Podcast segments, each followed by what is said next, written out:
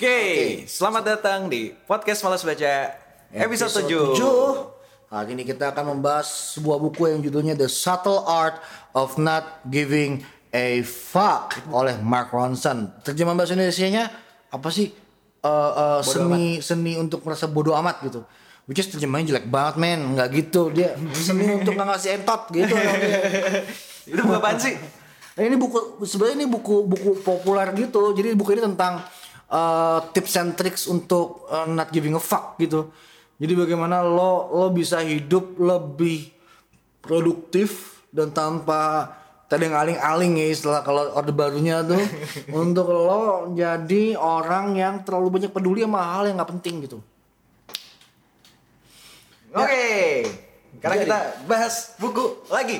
Bahas buku lagi. Untuk orang-orang yang malas baca, untuk malas baca dan pengen kelihatan pinter, kalian mesti dengerin podcast ini karena kita eh, Nosa dan Rojak, produser gue akan bicara tentang The Subtle Art of Not Giving a Fuck oleh Mark Ronson dan em, buku ini practically sebenarnya buku how to ya, buku curhatnya Mark Ronson jalan-jalan dan menemukan bagaimana dia bisa eh, punya tips and tricks untuk not giving a fuck dan tidak depresi gitu. Yoi. Iya. Uh, tapi buku ini cukup menyelamatkan gue. Gue baca buku ini di Amerika waktu itu gue baru baru apa namanya? Uh, gue diprognosis kena bipolar, terus uh, gue dikasih obat, terus gue ngelawan ah mas gue sakit gitu, gue minum obat sebentar doang di Indonesia, pindah pas gue ke Amerika gue berhenti total karena gue ngerasa gue sehat-sehat aja, which is salah. Nah ketika gue baca buku ini baru gue sadar bahwa selama ini gue salah give a fuck. Lu salah give a fuck. Kayak Iya, iya. Lu give a fuck of salah. Iya, I mean, gue gua gua salah peduli sama sesuatu yang salah gitu. Gue mesti peduli sama hal lain, let's say kesehatan gue gitu. instead, instead of other things gitu ya. Jadi kayak memilih, memilih apa sih yang penting di hidup ini gitu. Ini pertanyaan Itu- itu menarik susah sih gitu. Bagi sih semua orang gitu. Hidup ini gitu. Wah, not giving a fuck tuh gimana sih artinya gitu. Nah, bodoh amat, terjemahan bodoh amat itu itu gue rasa bukan not giving a fuck ya. Itu apa dong bodo amat? Kalau dua bahasa care, kan ide gue nggak peduli aja. Tapi not giving a fuck itu bukan masalah bukan masalah bodoh amat atau indifferent ya kalau bahasa Inggrisnya gue nggak peduli sama hal-hal itu tapi ini masalah eh itu kan kekasaran ya ketika dalam bahasa Inggris tuh pakai kata I don't give a fuck itu udah sangat emosional dan lo udah nggak peduli sama hal itu sampai lo punya ego yang cukup untuk moving on Jadi se seenggak pedulinya sampai lu ya udah. Iya. Lo des desperate untuknya itu nggak nggak bisa gue nggak peduli. Udah. Dan itu adalah not give Nah, a not fuck. give a fuck itu itu gitu. Nggak cuma sekedar nggak peduli tapi juga lebih ada muatan emosinya bahwa anjing nih kagak baju maju nih tai nih gitu. Udahlah, gue nggak peduli. Berarti kayak kayak sama mantan lu terus kayak I, I don't give a fuck with you anymore terus kayak ya udah itu benar-benar bak, Iya, gitu. betul. Jadi eh, buku ini juga ngajarin ada beberapa bab yang juga ngomongin mantan ya. Yoi. Jelas. ngomongin mantan. Jadi dia ngomongin soal bagaimana mencari pekerjaan, bagaimana mencari kehidupan yang cocok buat gue. Ini buku buat orang-orang yang kena existential crisis gitu. Yoi. Buat apa gue ada di dunia ini? Mau jadi apa gue? Ah, masih ada Jane. Eh, Jane masih ada di sini ternyata. Udah dua minggu dia tinggal di sini nggak. Parah ya. Gila seminggu ya seminggu. Dari minggu lalu di sini. Buset deh Jen, Jen. Aduh Jen, kok soalnya sih nggak apa-apa. Kita maksudnya ada cewek di sini kan? Iya daripada kita berdua doang. Iya, jadi kita kita juga bisa apa namanya bisa berbagi tentang bagaimana moving on Jen, moving on, Moving on, Jack. moving on Jen. Jadi ini moving on tuh susah kan? Ah. Karena lo perlu untuk give a fuck to something and don't give a fuck to to something else gitu. Nah kita mungkin mulai dari sesuatu yang paling simple ya di buku ini kan apa sih masalah anak-anak dia tuh kronologis kok dari dia mulai lulus SMA gue mikir "Gue mau jadi apa ya gue gitu. Gue mau ngapain ya? Dia udah sejak lama ngerasain Ah, hal dan itu. buat berarti. dia ini buku ini jadi penting karena ada masalah besar di hari ini di mana semua orang banyak banget pilihan men lo internet memberikan lo referensi-referensi tentang lo mesti jadi orang kayak apa gitu. Betul, betul, orang tua lo nuntut-nuntut lo mesti masuk kuliah di mana lo jadi apa gedenya gitu. Lo mau kerja gimana gitu. Dan akhirnya kan untuk not giving a fuck orang banyak lari ke berbagai macam cara ya not giving a fuck. Ada yang lari ke agama dan pengajian ada yang wanna give a fuck of the world dunia tidak penting akhirat yang penting. Gua akan ngincer akhirat aja yang penting. Gitu dunia nggak penting. Dunia bikin aku aduh gue capek. Aduh banyak tuntutan apa segala nggak kuat. Ada, ada. akhirat. Ada juga yang ke narkoba kan. Narkoba dunia nggak penting. Karena gue punya dunia sendiri. Gua punya dunia Cetak sendiri, wah. udah, giting mabok gua mabok gitu ya. Jadi di situlah uh, sa- salahnya kalau lo give a fuck to things that you should not give a fuck gitu Oh, I see. kan banyak tuntutan-tuntutan kan dari orang Ah, kan. Lo bener, mesti bener, punya bener, defense untuk diri sendiri bagaimana lo membentuk diri sendiri to give a fuck to something that you know meaningful gitu buat lo. Gitu. Taunya gimana itu meaningful Iya, buat lo? taunya taunya gimana gimana, ya? gitu. Sekarang ada contoh di buku ini tentang seorang nenek-nenek. Hmm. jadi Mark, si Mark ini lagi di supermarket dia lihat ada nenek-nenek yang lagi ngamuk-ngamuk sama kasir ngamuk-ngamuk sangat parah cuman gara-gara dia punya kupon. Hmm. kupon belanja yang nggak bisa dipakai. Tuh nah Mark bayangin nenek-nenek ini kenapa ngamuknya segitunya soal kupon doang? Mungkin Ha-ha. di rumah dia udah janda sendirian anaknya nggak pernah jenguk. Nonton TV tiap hari apa udah nggak bisa ngapa-ngapain. Kerjanya paling penting ya potong-potong kupon. Dan ketika kuponnya nggak bisa dipakai dia sangat kecewa dia giving a fuck ke kupon itu Gitu. Nah, sama kayak misalnya ada bocah-bocah yang bunuh diri karena patah, patah hati misalnya atau bunuh diri karena nggak lulus kuliah misalnya Jadi dia give a fuck sama nggak lulus kuliah, Ah, patah ah. hati. patah hati dia give a fuck ke hal-hal yang bikin dia tidak bisa hidup lagi give a fuck ke hal-hal yang membuat hidup jadi menyedihkan gitu Gue ngebayang nih, berarti kita harus give a fuck sama hal-hal yang membuat hidup menjadi menyenangkan. nggak juga Oh nggak juga? Jadi yang paling bahaya juga buat buku ini, ini bukunya yang paling menyenangkan adalah dia juga suka dia dia nggak give a fuck sama orang-orang yang menurut dia kayak self entitled gitu yang merasa bahwa gua harus selalu positif di hidup ini. Fuck that, fuck that. You don't have to be always positive gitu. gitu. Sama karena kalau lu terlalu positif sama aja lu selalu sedih Oh. Nggak bisa lo jadi nggak peduli gitu jangan jangan dipendem-pendem lu mesti jujur aja sama diri sendiri bahwa ya normal respons aja terhadap pernyataan gitu Haha.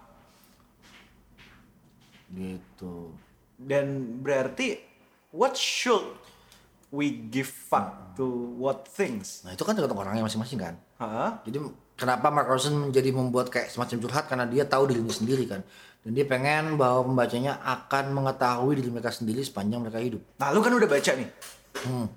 buat gue buku ini nggak guna-guna banget sih buat gue Oh nggak guna-guna banget. Iya, eh, karena bukan apa-apa ya. Gue seneng bacanya karena menghibur dia dia ca- cara ngomongnya enak gitu ya. Tapi buat konteks hidup gue dia masih orang depresi yang lumayan normal-normal aja gitu. Karena gue nggak gue perlu gue sebagai seorang yang apa namanya eh, clinically eh, Diagnose. with- diagnose gitu with, with, with bipolar, gue butuh obat. Jadi nggak bisa pakai nasihat gitu. Kayak kamu kurang sholat nggak bisa. Harus kamu pernah ngobat nih. Ah, gitu. Hello, itu kan kamu kurang beribadah gitu nggak bisa. Atau kamu harus lebih positif nggak gitu. Ya, I have to give a fuck sama pengobatan gue. I see. Gitu. Habis karena dengan itu jadi lu cari core-nya apa sih yang mesti lo give a fuck dan masing-masing itu orang beda-beda. Dan itu sangat tergantung sama eh apa sama sama Historisitas. historisitasnya kalau kita pakai fenomenologi. Historisitasnya masing-masing orang. Heeh, jadi itu itu yang paling penting sebenarnya. Eh bagaimana masing-masing manusia itu harus bisa menghadapi masalah gitu Tanpa masalah. tanpa Pegadaian. bikin masalah lain gitu tanpa bikin masalah lain jadi kayak apa namanya Kayak slogan nih. apa sih yang lebih penting daripada masalah itu Itu pertanyaan besar dari Mark Ronson kepada tiap-tiap insan tuh itu. Apa sih? lu punya masalah gede nih let's say masalahnya anjir gue bokek misalnya Ya gue nggak bisa makan nih gitu. Gak bisa makan gue pengen duit gue fokus aja ke masalah a- a- apa sih yang bikin Gua yang penting lu nggak punya duit tuh apa sih yang jadi masalah lu masih bisa makan nggak masih bisa makan Masih.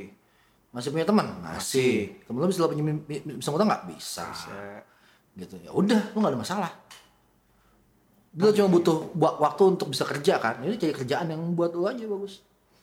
Gitu. Lu jangan fokus ke jangan fokus ke lo pengangguran terus sampai lo nggak gerak-gerak buat cari kerja. Hmm, I see. Jadi itu yang diharapkan Mark Ronson. Itu salah satunya dari banyak hal ya. Jadi jangan fokus ke tempat hal yang dan lo nggak spesial gitu. Itu lo ya. tuh lo tuh nggak spesial. Nggak spesial. Apa dunia tuh nggak nggak nggak nggak muter di tengah-tengah apa lo tuh bukan pusat dunia gitu. Tapi Lu gue penasaran deh. Gimana sih cerita tentang orang-orang patah hati di sini tuh? Nah, Kita banyak kan, pasti lo yang malas baca juga pernah patah hati sih. Iyalah yang Yang yang baca rajin kan. baca juga. rajin baca patah hati maksud itu kita rata kok soal patah hati semua itu kita rata. Oke nah kalau Mark Ronson bagaimana moving on ya? Lo fokus ke mana ketika lo patah hati tuh lo you give a fuck to something that doesn't even there udah nggak di situ masih lo give a fuck. Ada ada contoh kasusnya gak sih biar? jadi kalau contoh dia kan dia Ah. sama ceweknya kan dia udah gila-gilaan sama cewek bukan macem-macem. Cuman cewek ninggalin dia gitu. Sesimpel itu kan seperti lah, rata-rata banyak hal lain banyak yang lain lah. Ah, ah. yang dia cinta sama ceweknya dan dia merasa ditinggal merasa dia nggak ada gunanya dan lain-lain dan lain-lain. Itu dan butuh waktu untuk dia bisa healing dari situ. Ya semua orang kayak sama ya gitu. Semua orang akan butuh waktu untuk bisa moving on. Cuman kalau kita selalu give a fuck sama yang itu sama masalah itu kita nggak bisa give a fuck sama sesuatu yang lebih penting dari masalah itu. And can we force ourselves to give a fuck to something kan pasti kalau misalkan ngomongin putus atau ngomongin sedih itu adalah perasaan yang datang sendiri aja. Kayak kok gue sedih gue nggak tahu tapi datang. Dan gimana kita give a fuck sama sesuatu yang nggak bikin kita sedih padahal kita ya udah Di pinsa you don't, sedih. you don't give a fuck. Nggak tahu dulu bahwa yang nggak ada di situ yang nggak ada di situ yang nggak ada di situ yang nggak ada di situ. Iya nggak ada di situ yang lo patah hati sama sama seorang gitu. Orangnya dia nggak? Nggak ada. Yang nggak ada nggak buat lo? Nggak ada. Sedih lo? Sedih. sedih. Terus lo jangan fokus ke yang nggak ada. Yang ada apa sekarang? Gua ada. Oh ada. Oke. Habis itu lo rasanya gimana sekarang? Sedih. Biar nggak sedih gimana? Makan kali? Makan. Wow. Jalan-jalan? Jalan-jalan. Kerja deh. Kerja tinder? Tinder. Tinder. Whatever gitu. Boleh boleh boleh, whatever boleh, gitu boleh. kan. Cuman yang deket-deket aja gitu. Jangan lihat yang jauh-jauh. Yang deket-deket aja ada apa? Ini di sini gitu. Di sini ada apa? Ya intinya sih tetap mindfulness dijaga gitu. Mindfulness itu bagaimana lo hadir di masa ini dan lo nggak ngawang-ngawang sama pikiran lo sendiri. Gitu. Dan yang menarik dari lu yang baca nih, lu sempat cerita ada lu kena ini apa eh, diagnose ya with bipolar disorder. Yang mana apakah semua orang harus mencoba dulu dari dirinya bahwa lu sempat yakin masa gue sakit sih? Lu meragukan diri diri lu sendiri bahwa lu nggak sakit. Kemudian ternyata lu diagnos sakit. Dan apakah semua orang harus try to not give a fuck before they go to psikiater. Kalau soal penyakit sih ya eh, kalau di Indonesia susah ya karena kesadarannya kan masih kecil soal penyakit ini gitu. Gue sendiri aja mesti dibawa orang. Udah parah baru dibawa sama orang lain gitu. Kan apa namanya sering kali kalau orang juga kan ya lo sakit demam berdarah juga jarang ada orang yang bawa dirinya sendiri ke dokter kan Iya sih. gitu dan self diagnosis itu nggak bisa dan eh, untuk bisa tahu bahwa lo beneran sakit kan panjang waktunya dulu di, di observasi dulu dan lain-lain gitu ya intinya itu itu completely different thing. Jadi awalnya gue pikir buku ini bisa membantu gue. Heeh. ternyata nggak bisa karena buku ini memang bukan untuk buku orang sakit jiwa gitu. Dia iya dia dia nggak bisa bikin gue happy bikin gue bukan happy ya gue nggak jadi happy juga bikin gue minimal menjadi mindful gitu. Ada tekniknya lagi buku lain yang judulnya feeling good sama ada CBT lah DBT macam-macam pendekatan pendekatan terapi itu. Itu bisa bikin buat buat penyembuhan cuman kalau untuk buku ini nih buku pop aja untuk melihat zaman sekarang kita perlu apa untuk bisa hidup nggak bingung gitu Hmm, I see kayak how to live, how to Uh, live. to live your life uh, dengan dengan dengan sederhana dan dan dan uh, menghargai dan bersyukur sama apa apa yang ada sekarang gitu. Ya, orang sekarang kurang bersyukur ya. Iya. Paling bersyukur kayak jauh-jauh ke Suriah buat gabung sama ISIS gitu kan kayak pengen pengen apa sebenarnya gitu. Iya sih. kayak- Karena di bayangan dia tuh ada surga dan ada janji-janji lain di situ. Yang bikin dia nggak bingung lagi. Toh sampai sekarang juga masih bingung kan. Iya bener sih. Gitu. Kebingungan ini kan sebuah masalah. Tapi sering kali pemecahannya bukan di masalah itu. Di masalah lain. Gitu. Seringkali lo ngelihat sesuatu yang salah. Lo ngelihat kayak pepatah Melayu lama. Mhm. Gitu. Eh Apa tuh? semut di ujung sana lo lihat, gajah peluk-peluk mata nggak kelihatan. Dan itu di banyak lah ya wisdom-wisdom yang bicara kayak gitu dan Mark Ronson tuh kayak Ya mengeksplisitkan eksplisit aja. Di sini ada cerita soal Buddha, soal Yesus, soal apa, bagaimana orang-orang lama-lama itu, nabi-nabi lama itu memecahkan masalah gitu. Dengan Eh. dengan not giving a fuck gitu. Not giving a fuck. Yesus tuh nggak sebaik itu kok. Buddha juga nggak sebaik itu kok. Buddha doesn't give a fuck to his kingdom. Dia kan seorang raja, dia calon raja pangeran ya. Dia punya istri, dia punya apa. Cuman dia tahu tempat itu bukan buat dia. Dia tinggalin. Gitu. Apakah dia egois? enggak tahu. Iya. Bisa jadi untuk Bisa yang jadi. tinggal dia egois. Tapi buat dia enggak. Karena yang lebih penting daripada jadi raja adalah well-beingnya dia sendiri. Well-being tuh bagaimana dia bisa tetap sehat dan baik gitu. Dan yang lebih penting dari masalah lo sekarang berarti adalah well-being lo. Iya kayak misalnya gini, lu di pesawat. Lu udah punya anak nih di pesawat. Ah. sama anak lu. Pesawat goyang. Jatuh harus oksigen gitu. Gitu ya. Kalau lu orang yang give a fuck. Lu akan ngasih oksigen ke anak lu duluan. Lu goblok tapi itu. Lu berpikir panjang kan, berpikir anak gue itu gak bisa hidupnya. Ah. Lu goblok. Kalau lu ngasih oksigen ke anak lu duluan, lu goblok. Kenapa? Kalau lo pingsan, tuh anak siapa yang ngurus? Jadi pertama kali oksigen keluar, ke lo dulu, anak lo mau pingsan, lo kasih ke dia baru. Baru ke lo lagi. Sesimpel itu ya. Sesimpel itu. Well-beingnya lo dulu gimana? Jangan nolong orang kalau lo gak bisa nolong diri, lo sendiri. sendiri. Gitu. Betul. Jangan bacain buat orang kalau lo sendiri. Nggak baca. Ini enggak, tapi apa? kontradiktif ya sih. Sama apa? Sama tujuan kita gitu kayak. Apa? Kita kan pengen bikin orang-orang yang gak baca. Hah? Seolah baca. Iya. Enggak, gue tahu bahwa banyak orang di Indonesia ini nggak bakal pernah baca dan nggak akan kuat baca. Lo udah dididik sama negara ini dari SD sampai SMA untuk nggak kenal budaya baca. Di Amerika anak kelas 6 SD udah baca Shakespeare. Wow. Lo baca apa? Jakarta Arup. Ah, dan gue jaket Harry atau dongeng-dongeng apa lah tuh yang pendek-pendek gitu kan gitu orang zaman sekarang di, di Indonesia dan di banyak tempat di dunia ini ya kelas, bacanya masih kayak anak kelas 4 SD baca doang nggak bisa mengkritisi nggak punya kemampuan literasi nah ini buat generasi gue ya yang emang secara tidak beruntung tidak tidak mampu membaca. Dan gue pengen bilang bahwa kalau lo emang nggak bisa baca maksudnya nggak nggak mampu baca panjang apa segala itu bukan berarti lo goblok. Ket- ketidakmampuan baca lo adalah bagian dari historisitas lo sejarah hidup lo di mana lo dididik sama rezim lalu. Dan rezim ketika lo besar untuk tidak membaca. Jadi kalau mereka ngibul lo percaya Jadi kalau kita ngibul. kalau kita ngibul lo percaya. Karena lo kagak baca. Ya udah dengerin aja. dengerin aja kan? Gitu.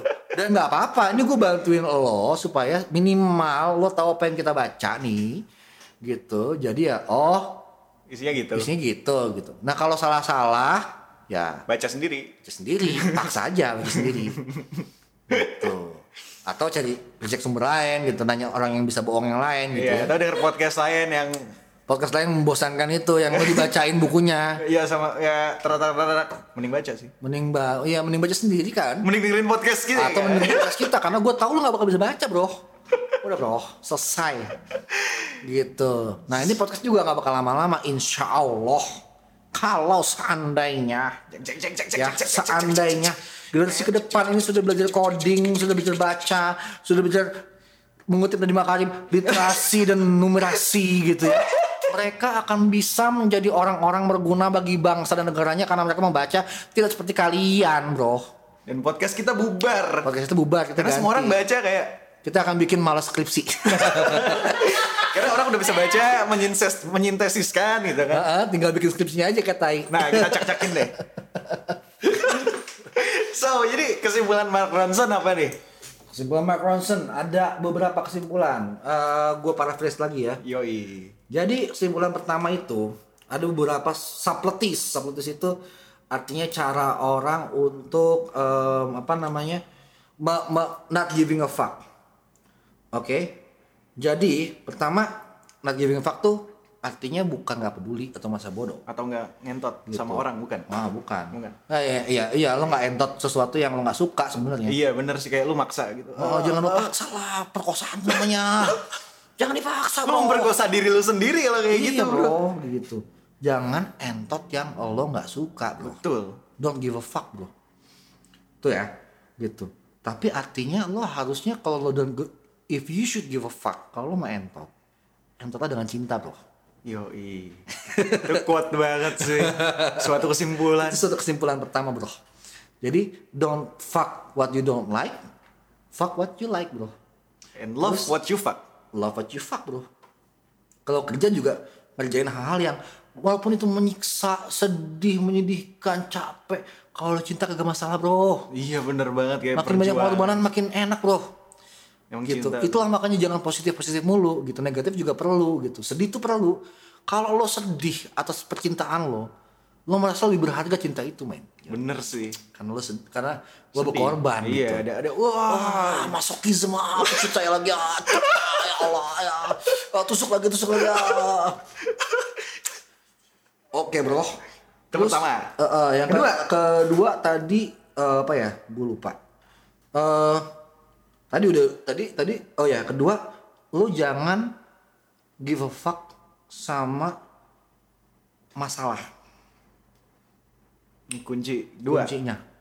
Lo give a fuck sama yang lebih penting dari masalah itu. Beyond masalah itu. Beyond masalah. Jadi itu. jangan tempat meta masalah. Uh, meta masalah. Gitu. Ada masalah apa sebenarnya? Lo lihat kalau lo bokek kayak tadi ya, lo bokek, mungkin masalahnya bukan lo bokek. Tapi lo selalu berpikir kalau lo bokek jadi lo gak cari duit Iya, karena lu bokeh. gitu. Gua Let's say, ah gue bokeh nih, gue gak punya duit buat jalan gitu. Ngutang dulu dong cari modal jalan. Yoi. Gitu. Gak ada laptop buat ngegojek. Itu pintar. Itu pintar. Pintar. Daripada cuma mikir gue bokek nggak bisa ke mana-mana. Iya. Iya. Mending gua nggak bokeh dan bisa ke mana-mana ya nggak? Yo ih. Gitu. Terus ketiga adalah eh sadar apa enggak men? Lo tuh milih apa yang lo entot.